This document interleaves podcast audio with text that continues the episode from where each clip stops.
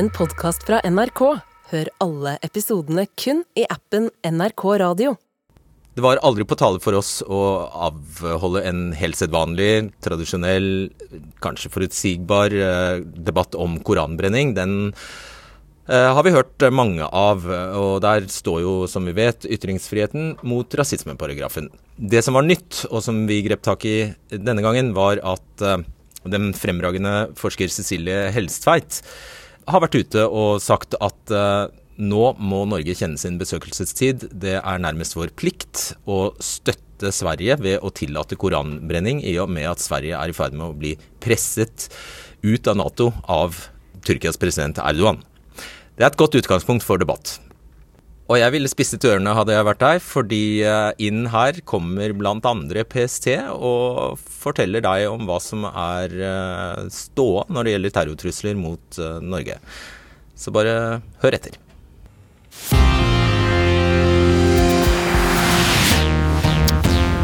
La oss være ærlige. Det er vel omtrent bare én mann i Norge som har for vane å brenne Koranen. Han heter Lars Thorsen og representerer Sian. Jeg vil tippe at de aller fleste i Norge syns det er en ganske dum handling som ikke fører så mye godt med seg. Så har du dem i Norge som er uenige i at det skal være lovlig å brenne Koranen, for det er det, og som vil ha et forbud. Men sett at dette egentlig handler om noe helt annet. Sett at dette egentlig handler om en tyrkisk president som nær sagt har oppkastet seg til sultan for alle verdens muslimer omtrent, og som sitter der i Ankara og krever at Sverige skal skrive om sine lover for at han skal slippe Sverige inn i Nato. Og som da indirekte lar alle land som definerer koranbrenning inn under ytringsfriheten, forstå ganske godt at konsekvensene kan bli voldsomme om de ikke gjør som han sier. Og hvis det er dette det egentlig handler om, hvorfor sier norsk politi nei til koranbrenning, mens svensk politi sier ja, når lovene er nøyaktig like? Cecilie Hellesveit, du er konflikt- og folkerettsforsker ved Folkerettsinstituttet. Det er egentlig dine spørsmål, dette her. Det er du som har formulert dem.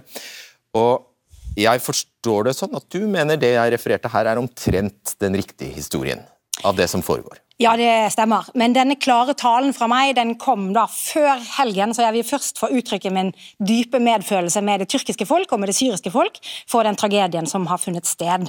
Den tror jeg vi alle skriver under på. Før vi gyver løs på den tyrkiske lederen. Fordi dette handler om tyrkisk maktpolitikk, slik jeg leser det.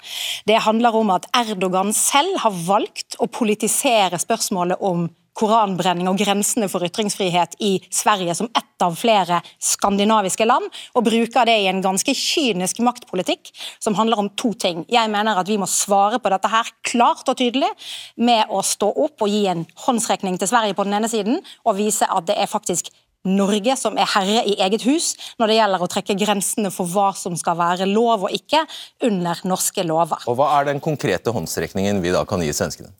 Altså det som er Situasjonen er at Tyrkia har eh, sagt at de stiller krav om hvordan svenskene må utøve rammene for ytringsfriheten i Sverige for å bli medlem i Nato. Og Det eh, Tyrkia i realiteten gjør, er å gi en håndsrekning til Russland. Og sørge for at svensk medlemskap blir utsatt i hvert fall et halvt år. Og sørge for at den baltiske, altså at Østersjøen ikke blir en fullstendig Nato-sjø.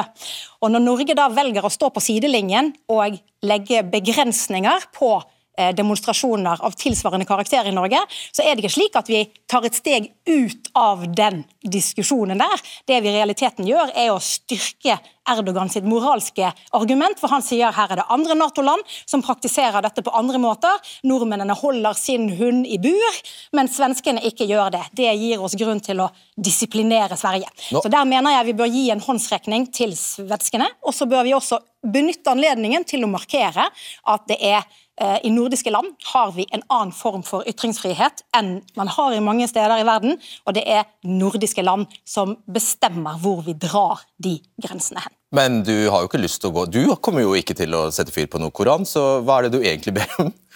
Nei, Jeg ber nok om at I den grad norske myndigheter nå velger å begrense retten til å gjøre dette, så må de begrunne det meget klart.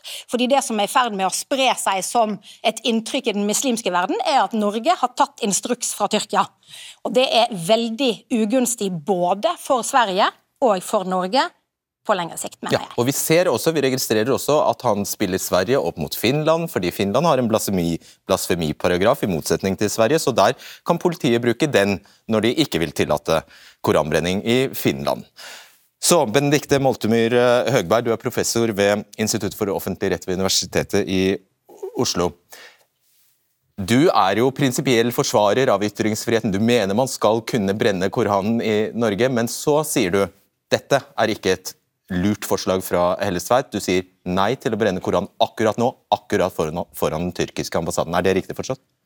Ja, det er riktig forstått. Eh, det er en avveining i forhold til eh, hvor og når man kan fremsette de ytringene som man ønsker å fremsette. Eh, og Det er ikke nødvendigvis slik at norske myndigheter skal fasilitere for demonstrasjoner i nærheten av ambassadebygninger. Vi har en, en plikt til å, til å, ivareta sikkerheten. Ikke bare til ambassadebygninger, men det også, men til både demonstranter, motdemonstranter og tilfeldige tredjepersoner. Eh, og Hvis man da avholder denne type demonstrasjoner i nærheten av ambassadebygninger, så har man eh, en viss fare for at situasjonen kan eskalere, både der og selvfølgelig også andre steder. Ja, Så er, du er pragmatisk her? Du legger deg på en pragmatisk linje og eh, sier at her kan det skje utløse så veldig mye at det er best å la være? Ja, I denne situasjonen så kan det være det, men den sikkerhetsvurderingen er det jo politiet som må gjøre, og ikke først og fremst jeg. Men jeg åpner for at det kan de gjøre. Jeg tenker nok at Den vurderingen der har vi gjort i mange år på fornuftig vis. Nå har situasjonen endret seg i Europa. Vi har en krig i Europa hvor vi sender hundrevis av ukrainske menn i døden til fronten hver eneste dag for å beskytte våre verdier og våre samfunn. Og Da blir også spørsmålet om det gjør at vi må justere litt på hva vi er villige til å risikere for våre egne verdier. Fordi jeg tror vi må alle innse at vi er på vei over i en situasjon hvor det som er verdifullt i vårt samfunn, det kommer til å koste mer enn vi er vant med, også på andre måter enn i penger. Skal vi frivillig gjøre oss til terrormål? Det er noen prinsipielle standpunkt vi er nødt til å ta, hvor vi, vi, må diskutere hvor mye er vi villige til å risikere. Eh, eller skal vi være på en måte rike og redde? Altså jeg, jeg, er jo litt, litt, uenig i det utgangspunktet som Hellesveit her kommer med, i forhold til det at vi skal ta en risiko som vi ikke tidligere har tatt.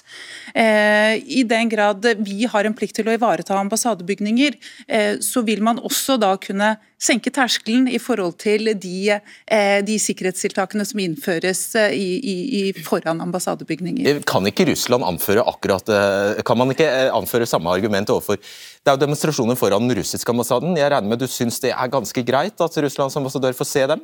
Ja, og det er ikke sånn at man generelt, på generelt grunnlag ikke skal tillate demonstrasjoner foran, foran ambassadebygninger. Utfordringen her er at det kanskje kan medføre en eskalert sikkerhetssituasjon. Det er utfordringen. Jeg er helt enig i det. Jeg tror at dette vil være en risikabel ting å gjøre, men så er spørsmålet skal vi allikevel tillate det? Skal vi eksponere også oss selv for å for det første vise solidaritet med andre skandinaviske land, nå Sverige, som prøver å søke beskyttelse i Nato, eller skal vi på en måte la oss misbruke til dels av den tyrkiske lederen? Ja, Det er her du har førstehåndskjennskap til risiko, Vebjørn Selbekk. Du er sjefredaktør i avisa Dagen, og du sto jo du vil jo selvfølgelig selv mene at du sto ganske så alene i den stormen som traff eh, deg da du trykket Mohammed-karikaturene i side. Det er 18 år siden nå, faktisk. Du følte deg den gang sveket av eh, norske myndigheter. så uh, Hva sier du til Helstveit? Nei, Jeg er fullstendig enig. Og Det er jo dette det handler om. Det handler om vi skal stå opp og tørre å stå opp for verdiene våre. Om det er en sultan nede i Midtøsten, en despot, Erdogan, som altså undertrykke ytringsfriheten i sitt eget land, sende politiet på pressen, arrestere redaktører og journalister, undertrykke politisk opposisjon, om vi skal ta ordre fra han. Så Nå har han altså krevd at Sverige, for å, å eh, bli medlem av Nato, må endre sine lover når det gjelder ytringsfrihet. Det er fullstendig uholdbart at en, eh, en despot skal bestemme hvem som skal være med i Nato, og diktere det. Han oppfører seg som en uh, type orientalsk teppehandler, stiller stadig nye krav. Uh, og uh, Ytringsfriheten i vår del av verden er ikke til salg, så vi må stå opp for den, også når det koster noe, også når vi eksponerer oss. Nå er jo ikke Erdogan her til å forsvare seg, da skal legge til det, men det implisitt i ditt resonnement er jo samme som Helstveit. Du utsetter jo oss alle for fare hvis du insisterer på våre vegne om at vi skal ta denne store risikoen. Ingen vet hva som vil kunne skje. Frihet har alltid kosta. Verdier har alltid kosta. Og vi, eh, I motsetning til Sverige så kommer vi fra et land som har opplevd krig. Opplevd at eh, man har eh, gitt ja, mennesker som har gitt sitt liv for, for vår frihet. Og Hvis vi skal bevare den, så koster det noe. Og det koster noe også i form av å eksponere seg. Og, og, men, men denne gangen når det gjelder denne typen demonstrasjon. Vi har, vi har alle sterke synspunkter på sidene. Jeg har det sjøl. Jeg er sterk motstander av det de holder på med. Men akkurat denne gangen, når det gjelder å demonstrere mot Tyrkia, mot at det er eh, det uholdbare i det Erdogan holder på med, så syns jeg at det, denne gangen så var det en politisk viktig demonstrasjon som politiet gikk inn og eh, kjente eh, ulovlig. og Det er en veldig alvorlig ting. Hva sa du? En, denne gangen syns du Lars Thorsen i Sian hadde et poeng? Jeg syns at i motsetning til veldig mye annet av det de har holdt på med, så er det denne gangen i hvert fall et politisk poeng i at en demonstrasjon mot en aktuell sak, der eh, Erdogan og der en eh, despot fra Midtøsten prøver å diktere hva vi her i Vesten skal mene, og hvilke lover vi skal ha. Ja, Hvis ikke Thorsens formål egentlig er å rette sin, uh, sitt budskap mot alle muslimer, da, ikke bare til Det, det kan det være, men, men, denne gangen var det en politisk kontekst. i hvert fall. Ok. Dag Herbjørnsrud, du er idéhistoriker og forfatter. Hvor godt er dette forslaget til Helseveit? vil du si? Jo, altså det er veldig spenstig. Eh, det er det. Eh, og en interessant og fin debatt eh, har fulgt. Samtidig så tenker jeg nok at det ikke blir så lett å få gjort noe med Erdogan. Basert på hva man gjør i en liten gate, Halvdan Svartes gate nede i Oslo. Altså, jeg tror nok det er litt andre ting han er opptatt av. Eh, og eh, Det gjelder også Koranen som sådan. Altså, vi må huske på at det er spesielt eh, forholdet til PKK og Gylen-bevegelsen. Altså det kurdiske motstands... PKK, det kurdiske partiet, egentlig. Nettopp, og, og Gylen-bevegelsen som var hans tidligere allierte. Det er de enkeltpersonene som han nok mest har lyst på fra Sverige. Så, så det har jo vært utgangspunktet og årsaken til at han sa nei til at Sverige skulle komme med i Nato. Sånn at denne koransaken har jo kommet nå ganske nylig. Sånn at Det er ikke det som har stanset dette her. så Dette er jo også veldig mye politikk. Og, og jeg tviler nok på at eh, han vil skifte mening basert på dette utspillet. Mm. Ja, Det handler jo også om hvor legitim den blokkeringen er. og det er klart Når Norge går inn og har en annen politikk enn Sverige akkurat nå, så er det klart det styrker hans argument. Blokkeringen den, av Sverige? Ja, blokkeringen av, av, demonstrasjonen i Norge. Ja. Eh, det, som, det, som, skjedde eh, tidlig, var jo at Erdogan sa vi har en, eh, et krav til Finland og Sverige. De må endre sin menneskerettighetspolitikk og flyktningpolitikk rundt en viss politisk gruppe, som er kurderne. Det sa Finland og Sverige til slutt ja til, fordi Tyrkia kan anføre det med en viss grad av sikkerhetspolitisk rasjonale. Det har en link til sikkerhetspolitikk. Når Erdogan da bringer opp dette, som han selv velger å å politisere, så har altså måten Sverige trekker grensene for ytringsfrihet i Sverige, har ingenting på det sikkerhetspolitiske bordet å gjøre. Så det er en måte å holde Sverige utenfor Nato en stund til. Det er en håndsrekning til Putin, som Erdogan antageligvis kommer til å bli ganske godt premiert for andre steder.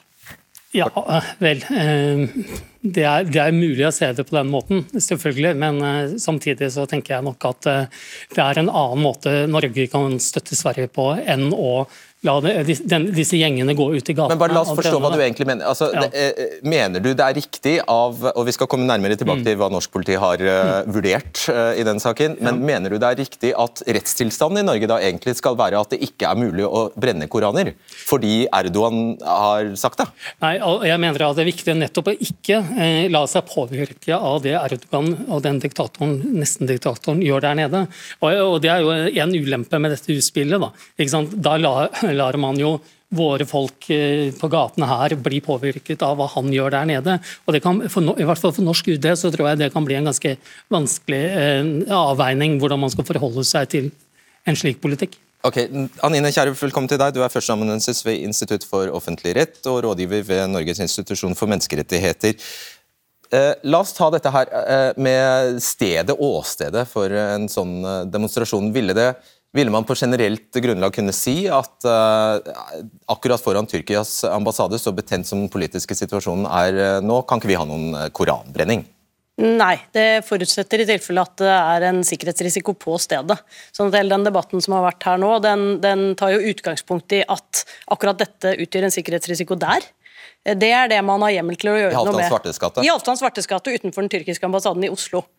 Eh, det er det politiloven gir hjemmel til å eventuelt eh, stanse eller avbryte demonstrasjoner på grunnlag av. Ikke på grunnlag av sikkerhetstrusler andre steder, eh, og heller ikke på grunnlag av sikkerhetstrusler i utlandet. Det fins noen hjemler som kan berettige det, f.eks.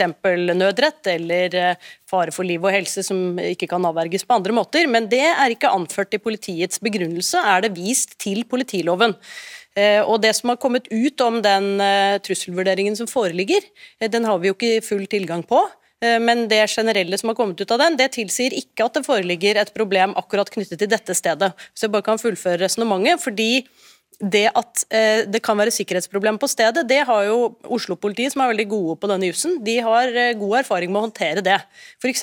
da Sian ville demonstrere på denne måten med denne type provoserende ytringer på Stovner, i nærheten av en moské, og for så vidt et utrykningssted, så eh, eh, kunne ikke politiet passe på sikkerheten tilstrekkelig der, så da ble den flyttet til foran Stortinget. Og Det er jo det man vanligvis gjør, man flytter i tid eller flytter i sted på bakgrunn av konkrete sikkerhetsvurderinger på stedet, men ikke generelle vurderinger av en eller annen trusselsituasjon som, sånn som det blir uh, opplyst her. Ja, vi er i en litt presset situasjon nå, men dette er jo en type trussel som PST har hatt med i trusselvurderingene sine de siste årene. Da er det jo ikke engang lovlig det du foreslår, nemlig å på generelt grunnlag bare si her foran den tyrkiske ambassaden i dette politiske klimaet kan ingen demonstrere. Nei, jeg har ikke foreslått det på helt generelt grunnlag. Det er i så fall knyttet til den konkrete situasjonen som vi nå står oppe i. Og jeg er enig med Kjærulf i at man kan ikke gjøre dette på bakgrunn av det som er den generelle trusselsituasjonen i verden, men man kan gjøre det på bakgrunn av det som er trusselsituasjonen mot Norge og mot Oslo. Eh, det trenger ikke nødvendigvis være knyttet til akkurat til Halvdan Svartes gate. Og, eh, så der er det nok, der er det nok en uenighet. Der er det nok en uenighet. Det, eh, det, jeg vil bare få inn det. Det kan tenkes, men da er det tilfelle en trusselsituasjon som berører flere borgere, også utenfor akkurat. Da, da burde vi få opplysning om at vi er i større fare enn det vi har fått. da. Ja. Og, så, eh, og det, kan, det, kan, godt være, det får i så fall PST svare for. Eh, det som, eh, det som, også er viktig i dette bildet, det er jo det at det er jo ingen her som i og for seg av oss nå som har tatt til orde for at man ikke skal kunne få lov til å brenne Koranen. Sånn at jeg er, og jeg er litt uenig her, særlig med Hellestveit, som sier at nå på en måte går vi Erdogans ærend. Fordi at vi har jo alltid hatt en, en mulighet for oss å regulere nettopp demonstrasjoner og forsamlingsfrihet, og vi gjorde det jo massivt under under eh, pandemien i forhold til smitteverntiltak. Sånn at, eh, sånn at, eh, her er det jo snakk om at ytringsfriheten den står ved lag. Det er bare et spørsmål om hvor og når. Ja, og Hvis du spør Lars Thorsen, så vil han si jeg får ja, jeg får nei, jeg får ja, jeg får nei. Sånn varierer det fra politidistrikt til politidistrikt, faktisk. Mahir Osman, velkommen til deg. Du er juridisk fagmedarbeider i Islamnett. Tror du Erdogan blir mer villig til å slippe Sverige inn i Nato hvis Norge tillater koranbrenning? Jeg tror ikke at eh, det er noe som Norge kan gjøre som vil eh, påvirke eller presse Erdogan på noe vis til å, til å, ta, til å endre syn i den saken. Um, tvert imot. Uh, og i hvert fall ikke ved å tillate at uh, hatgrupper som Sian, uh, antimuslimske hatgrupper, skal, skal, brenne Koranen. Tvert imot så vil det styrke inntrykket som veldig mange muslimer sitter inne med over hele verden, om at Erdogan forsvarer muslimer og forsvarer islam, eh, mens vi i Norden forsvarer folk som forfølger muslimer og som driver hetsekampanjer mot muslimer. Eh, det er ikke en stilling som jeg tror Norge bør stille seg i. Jeg tror ikke Norge eller Sverige er tjent med at den muslimske verden, som utgjør en fjerdedel av jordas befolkning, skal sitte med det inntrykket. Og det er ikke, altså, Norge er en del av et verdenssamfunn. Vi må forholde oss til resten av verden på en, tjen, på en måte som tjener Norges interesser. Og da må vi spørre oss, Er det faktisk noe som tjener Norge eller Sveriges interesser at vi skal fortsette med, disse, eh, med å forsvare disse antimuslimske hatgruppene? Ja, og Ditt svar på det er nei, for du vil faktisk egentlig ha et, egentlig ha et uh, forbud, og mener at uh, når det gjelder akkurat denne personen, så er det kombinasjonen av tidligere domfellelser og, og, og, og, handlingen, det å brenne Koranen, og det han sier, som til sammen gjør at rasismeparagrafen er viktigere enn en hans ytringsfrihet. Hvis det er, er, det greit oppsummert? Det, det, det, er ikke det at rasismeparagrafen er viktigere. Det er at rasismeparagrafen er en begrensning av ytringsfriheten. Um, den begrenser hva slags type ting man kan si og gjøre. Hvis koranbrenningen er en ytring, og det vil jo de fleste mene at den er, så må man forstå om kont altså konteksten som den forekommer i, kommer til å ha en betydning for hvorvidt den faller inn under hatparagrafen eller ikke. Da, jeg har snakket med Lars Olsen, og han sier da, fordi egentlig så, han tolker det sånn at da ber du egentlig om at han blir tatt på tidligere meritter. egentlig, At, at man for, foregriper hva han kommer til å si, og hva han kommer til å gjøre. Vel, eh, Det er, ikke, det er i utgangspunktet ikke det jeg sier. Um, selv om man kan argumentere for det også. Um, det jeg sier er at um, Når Lars Thorsen eller Sian eller andre aktører som dem igjen og igjen gjør det klart at hele poenget med deres, deres aksjoner, deres demonstrasjoner osv er nettopp å fremme et politisk budskap om at muslimer ikke hører hjemme i Norge, at muslimer er seksualpredatorer, muslimer er voldtektsmenn osv., at muslimer skal deporteres og fjernes fra landet, um, så har de gjort det klart at dette er konteksten, dette er, dette er budskapet deres. Man kan ikke fjerne koranbrenningen fra den konteksten og bare se på det som en bokbrenning. Det er ikke, det er ikke bokbrenning det er om, det er snakk om hele budskapet som fremmes. Og da vil Lars Sjorsen si jeg har sonet min dom, eh, jeg har borgerrettigheter som alle andre, du kan ikke pågripe meg før jeg har sagt noe. Det, det, det får så være, men, men det, er, det, er, fortsatt et faktum at Lars Thorsen gjentar de samme tingene som han har gjort tidligere, eh, som Oslo tingrett mente at bryter eh, rasismeparagrafen. Ja, Det var et øyeblikk der du nevnte PST, at det, det, hadde vært så passende å si 'snakk om sola'. Jeg tror, Nå kan vi gjøre det, snakk om sola, for vi har fungerende PST-sjef her med oss. Velkommen hit, eh, Hedvig Mo. Jeg skal bare minne om eh, at eh, ja, hva som har skjedd her først. Det var sånn at Forrige onsdag fikk Lars Thorsen i Sian tillatelse til å brenne Koranen på fredag klokka 14 foran den tyrkiske ambassaden på Frogner i Oslo. Men så dette var onsdag, så torsdag ettermiddag snudde Oslo-politiet, ifølge Filternyheter, og Thorsen fikk avslag på søknaden fordi det sto ny informasjon gjorde at politiet ikke kunne ivareta ro, orden og sikkerhet under arrangementet. Nå skulle vi selvfølgelig hatt Oslo-politiet her, med politimester Beate Gangås eh, til stede, for å forklare hva slags ny informasjon det var snakk om, men ingen derfra ville stille.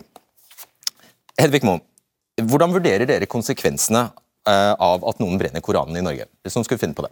Ja, for å si det først da, eh, Spørsmålet om en demonstrasjon eh, skal gjennomføres eller ikke, det er det jo politiet som tar stilling til, og ikke, ikke PST. Men uh, i forkant av den uh, forhåndsannonserte demonstrasjonen i forrige uke, så kom PST med en uh, trusselvurdering som vi sendte til Oslo-politiet og til øvrige politidistrikt i landet. Og altså, grunnen til... Bare tidspunktet, nøyaktig tidspunkt, fordi Han fikk jo først ja onsdag.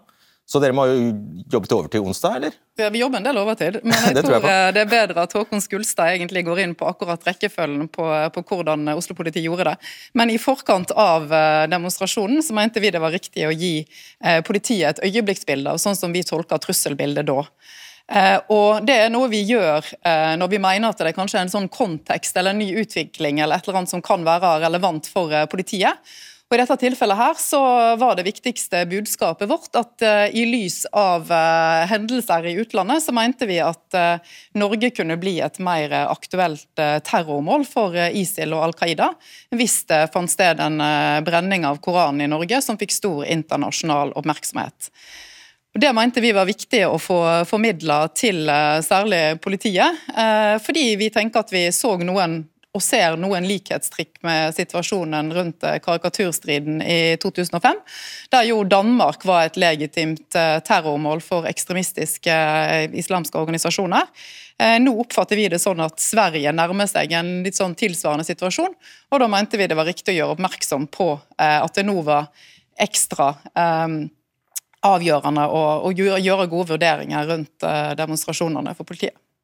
Eh, dere gir ikke råd, men dere blunker så hardt til politiet da, at de ender med å ikke å avlyse denne demonstrasjonen? Er det som faktisk skjer? Nei, Blunking det vil involvert en slags emosjon eller en følelse av noe slag. Vår oppgave er å vurdere Vi har ikke følelser i trusselvurderingene våre, og det er faktisk et poeng, for de skal være beskrivende. Vi skal beskrive konsekvensen av en ytring eller en handling.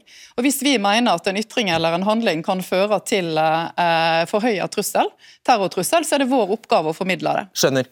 Terrortrussel hvor? terrortrussel mot norske mål i Norge eh, først og fremst var det vi var opptatt av her. Har dere konkret etterretningsinformasjon om det? At det er forestående? Nei, ikke konkret eh, etterretningsinformasjon, men det er vår oppgave å si noe mer overordnet òg, hvis vi ser noen utviklingstrekk som vi mener får betydning for, eh, for trusselbildet. Og Du nevnte Al Qaida og ISIL. Det er det du sier helt konkret, at dere ser at de kan finne på å slå til på norsk jord hvis vi brenner Koranen her? Vi mener per nå at i ytterste konsekvens så kan brenning av Koranen i Norge nå eh, føre til eh, økt terrorfare, ja. Men så er det jo ikke vår vurdering hva man skal eh, si, gjøre med det, om man skal avlyse demonstrasjoner eller håndtere det på en annen måte. Politiet har jo òg et mye større bilde som de sitter med når de skal treffe sine beslutninger. Eh, kan de gjennomføre det med økte sikringstiltak? Kan de flytte det? Skal de avlyse det? Ulike alternativer som har vært oppe her. Men eh, det er ikke en avgjørelse som vi er involvert i. Vi skal gi den beskrivende, ikke-blunkende støtten på forhånd som de tar med seg inn i sin vurdering. Nå vet vi jo fasiten alle sammen. Det endte med at Oslo-politiet ble så redde at de avlyste demonstrasjonen. Er det, en, er det en konklusjon PST lever godt med?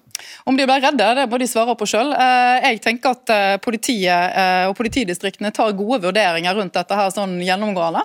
Akkurat hva som var beveggrunnene for at man endte med å trekke tillatelsen her, det svarer politiet bedre på enn meg. Jeg snur på et spørsmål. Hvis politiet faktisk hadde sagt ja til demonstrasjonen, hva hadde dere sagt da? Hvis det skal gjennomføres en demonstrasjon, så snur oppdraget vårt seg. Da skal vi gjøre alt det vi kan for å bidra til at den demonstrasjonen blir gjennomført på en måte som er sikker. Både for de som ytrer seg, som demonstrerer, og eh, motdemonstranter og tilskuere. Så da jobber vi sammen med politiet for å eh, ta vare på sikkerheten til de som er der. Så det er et bredt oppdrag. Og i og med at dere ikke har følelser, så vil dere heller ikke fornedre dere til å si hva var det vi sa, hvis noe fælt skulle skje?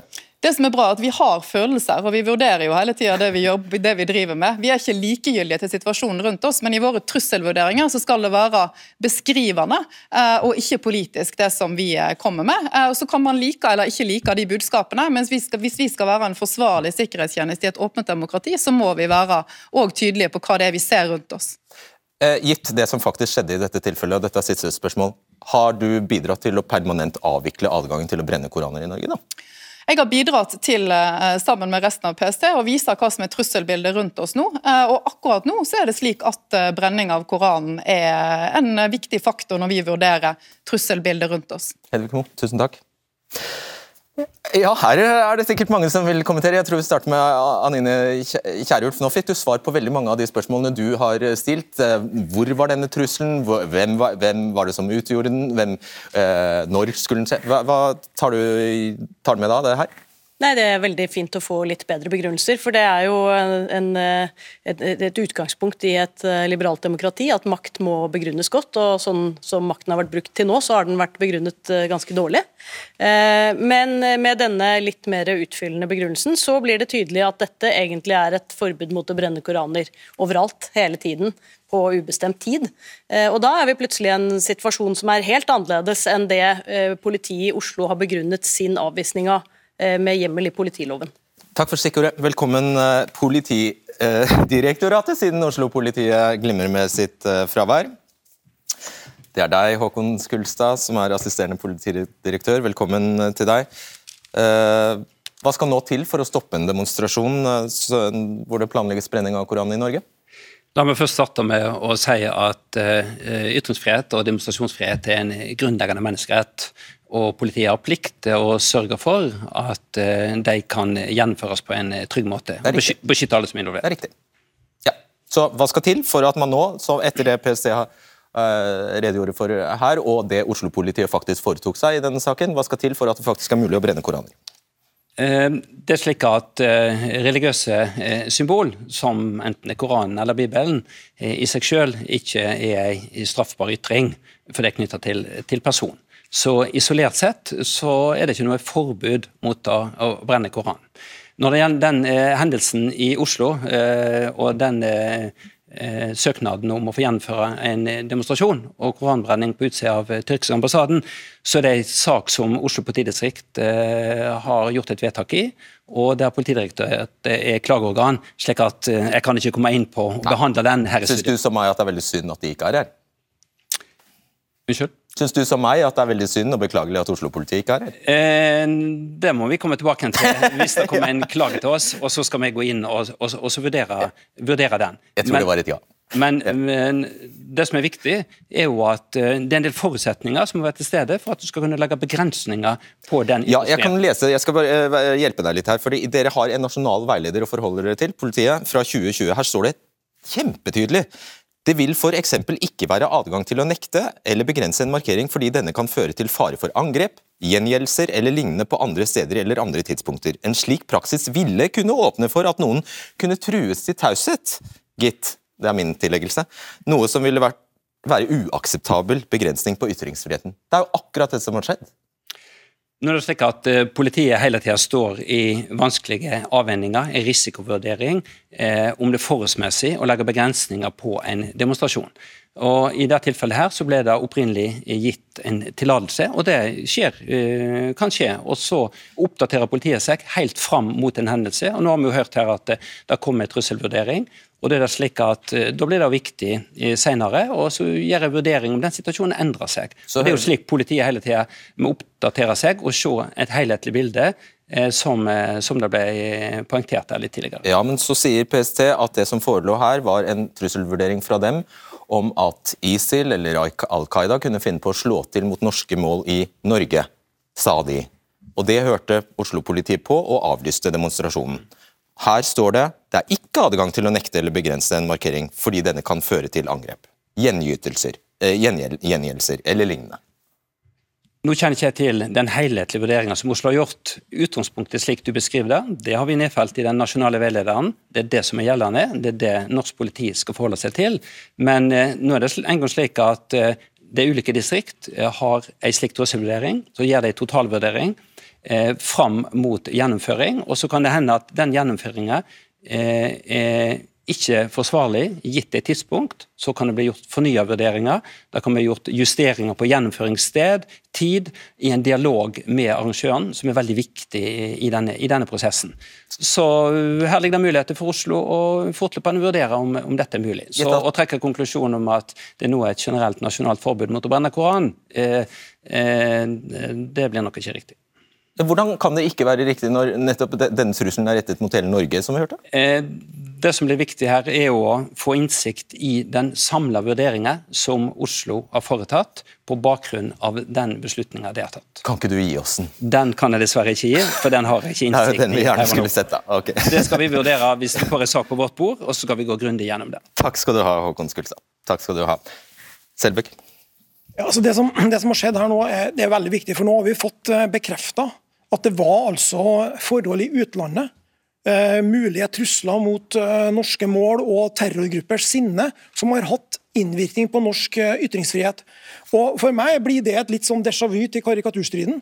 Og Da mener jeg nå må vi virkelig unngå at norsk ytringsfrihet blir en gissel for ekstremister og terrorister i Midtøsten. At de skal kunne ha noen som helst påvirkning på hva vi gjør, og hva, hvilke demonstrasjoner som er lovlige, og hvilke lover og regler vi har her. Det er kjempeviktig, og det er til syvende og sist et politisk ansvar.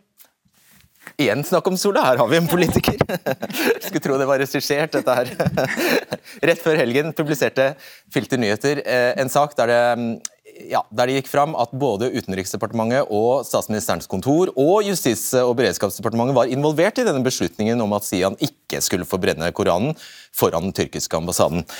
Så nå lurer vi på hva som ble sagt og gjort der uh, i disse møtene. Hans Petter Aasen, du er statssekretær i Justis- og beredskapsdepartementet for uh, Senterpartiet. Det er en virkelighet jeg ikke kjenner meg igjen i. Denne beslutningen bygger på en politifaglig vurdering. Justisdepartementet Utenriksdepartementet og Statsministerens kontor ble orientert om arrangementet, slik vi blir om alle arrangementer som kan skape stor oppmerksomhet. Det ligger i dette arrangementets natur at det kan skape stor oppmerksomhet. Da ble vi orientert om det. Så gjør politiet sine vurderinger.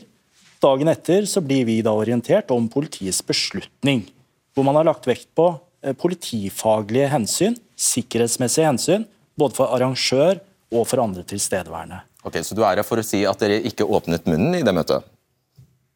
Eh, altså, Det er ikke noe politisk involvering i dette. Dette er, dette er en politifaglig vurdering. Vi blir orientert, får informasjon om hva som skjer, men har ingen rolle i dette. Her er ansvarslinjene klarlagt. Dette er en politifaglig vurdering. Er det ikke Utenriksdepartementet kjenner ikke sin besøkelsestid og minner om karikaturstriden og minner om hva som kan skje hvis eh, lille Norge oppfører seg eh, eller kommer på tvers eh, eller kom, legger seg ut med muslimer i verden? Ingen som sier noe, nevner det? Utenriksdepartementet blir orientert om dette, for det er et arrangement i tilknytning til en ambassade i Oslo. Da blir de orientert.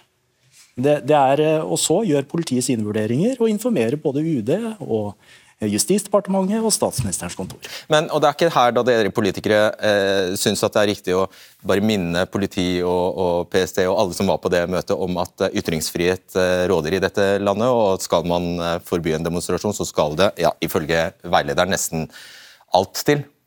Noe av styrken med det norske demokratiet er at vi politisk ikke blander oss inn i hvilke arrangementer som skal tillates eller ikke. Det er det politiet som foretar vurderinger av, basert på sikkerheten. Kan man ivareta sikkerheten eller ikke, det er spørsmålet. Her har man gjort en vurdering, og den vurderingen tar vi til etterretning. Og Det får vi bare akseptere at du sier, og stole på deg. Takk skal du ha.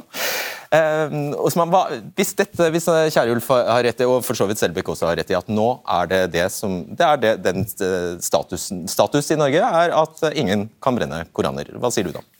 Altså, eh, min mening om eh, disse sakene som har med koranbrenning å gjøre, det er eh, det samme som politidirektør Benedicte Bjørnland og Riksadvokaten sa da saken var til behandling i 2019.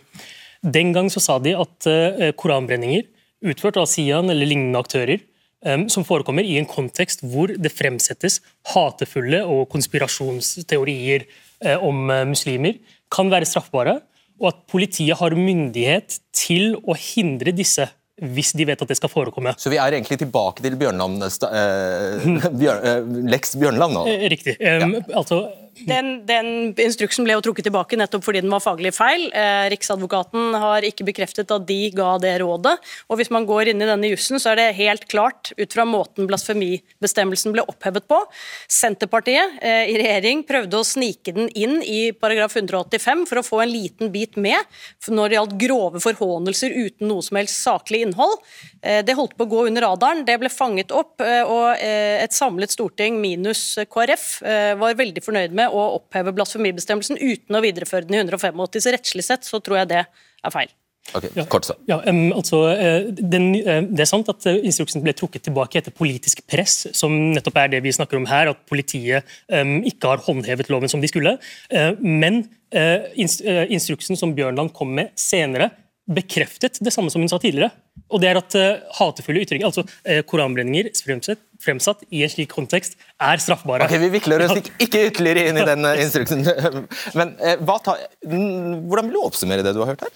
Nei, altså PST setter jo fingeren på dette fordi at det er ganske åpenbart at for farlige grupper som IS og Al Qaida, så vil koranbrenning også i Norge, særlig hvis det får mye oppmerksomhet, vil eksponere norske liv i siste instans. Spørsmålet vårt er jo kan vi allikevel tillate oss å ikke ta inn over oss verden slik den ser ut. Vår største trussel nå kommer ikke fra ikke-statlige aktører, det kommer fra en nabostat som heter Russland. Og spørsmålet er eh, Sverige forsøker å komme seg inn i Nato og blir nå hindret pga.